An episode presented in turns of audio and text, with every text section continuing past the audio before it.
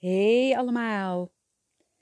Nou, in de vorige podcast uh, heb ik verteld een stukje over dat ik donderdag, ja, heel de dag tussendoor de dood rook. Het is een hele aparte lucht. En als die lucht ruik, dan ja, weet ik eigenlijk ja, dat, uh, dat er iemand doodgaat. Um, ja, of al dood is.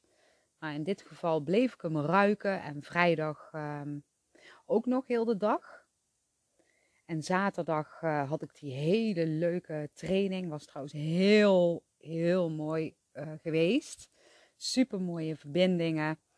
Ja, eigenlijk geen woorden voor wat er daar allemaal is gebeurd. Echt super mooi. Misschien is dat ja, wel leuk om een andere keer uit te leggen. Maar ineens was het uh, zaterdag, zo um, tegen de middag was die geur weg. Nou, dat vond ik eigenlijk wel heel erg prettig. En vanochtend kreeg ik een telefoontje van uh, mijn moeder dat mijn tante is overleden. Een hele lieve tante. Ja, zij was ook altijd heel creatief. En uh, ik had er vorige week had ik er nog aan de telefoon, want ik wilde er uitnodigen voor uh, mijn feestje. Want volgende week ben ik jarig. En, uh, en toen zei ze, oh, dat vind ik zo leuk. En uh, ze was helemaal blij. ja. En toen zei ik tegen haar van, uh, goh, um, wil je dat ik jou ophaal? Want ja, misschien weet je niet meer precies waar ik woon. Ze woont wel in de buurt, toch? En toen zegt ze van, nee, ik weet precies waar jij woont. Bij de hartjesboom. Dat vond ik zo grappig dat ze dat nog wist. De hartjesboom. Ja. Ja. Het is, uh, het is gek hoe het in het leven kan lopen. En het was een hele onverwachte dood. Want ja, mijn tante fietste heel graag. Het leek wel een beetje ergens op mij met de fiets. Want uh, ik cross ook altijd overal zo tussendoor. En heel vaak kwam ik haar ook tegen.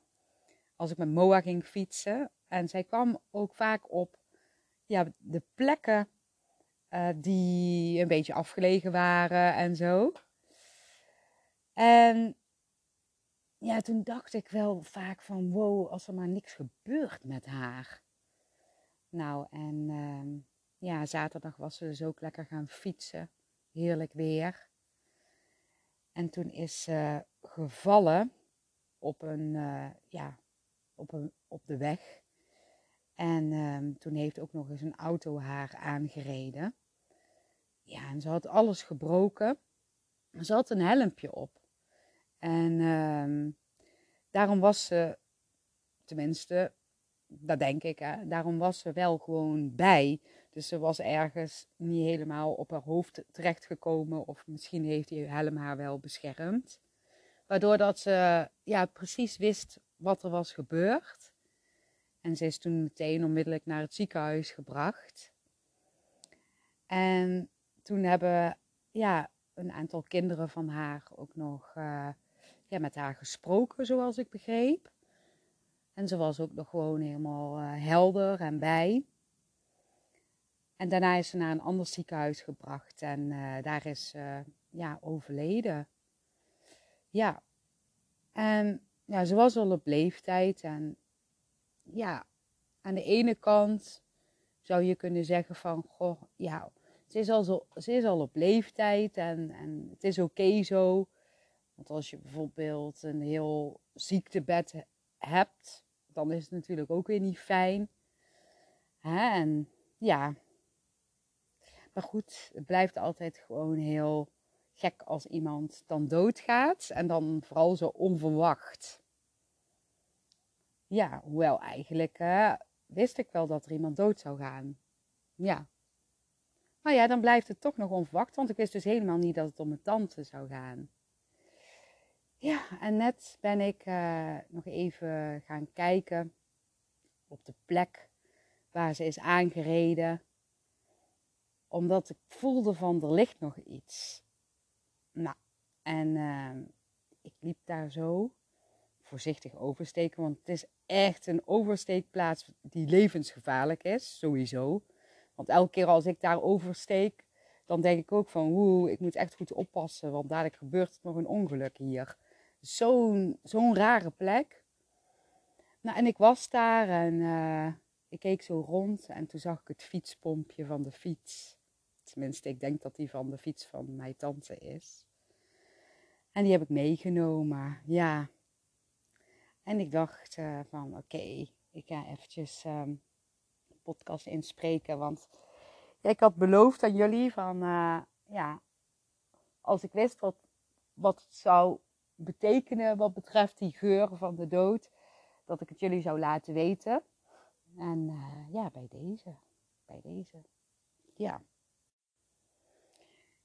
Ja, en aan de ene kant heb ik ook wel, zoiets, ja, weet je, ik, ik kijk zo gemakkelijk naar de dood, omdat ik voor mezelf voel dat dood niet het einde is. Maar ik ben natuurlijk ook gewoon mens. En uh, ja, mijn moeder die, uh, die belde me vanochtend. En ja, dan moet ze huilen. En dan krijg ik natuurlijk ook tranen in mijn ogen. Dat vind ik dan zo sneu van de.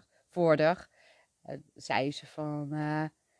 ja, nou heb ik helemaal geen, geen zus meer. En ja, dan moet ik ook wel even slikken. Hè? Dan ben ik natuurlijk ook ja, menselijk.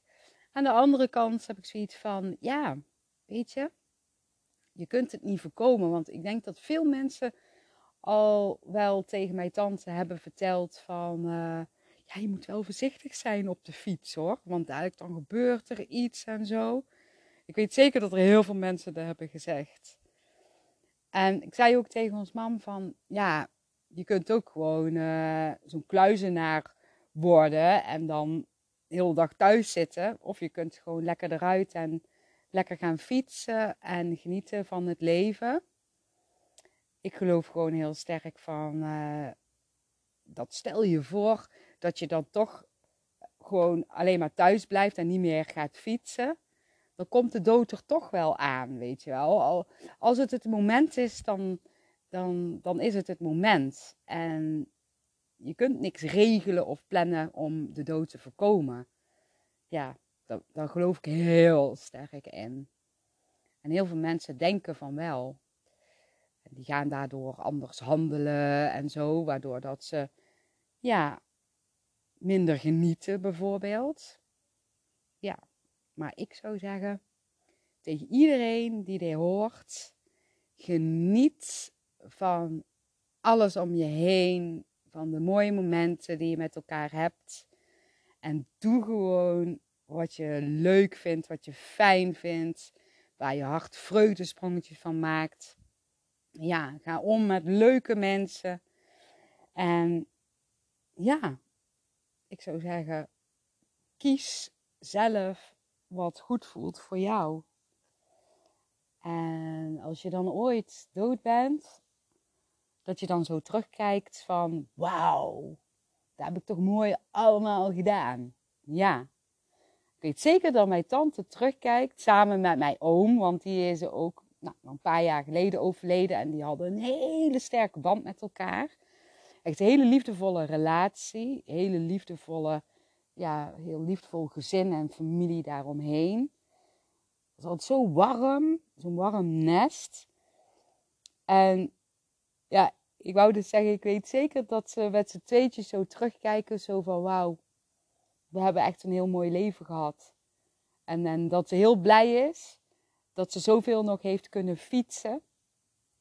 En misschien dat ze het wel helemaal oké vindt dat het zo is gegaan.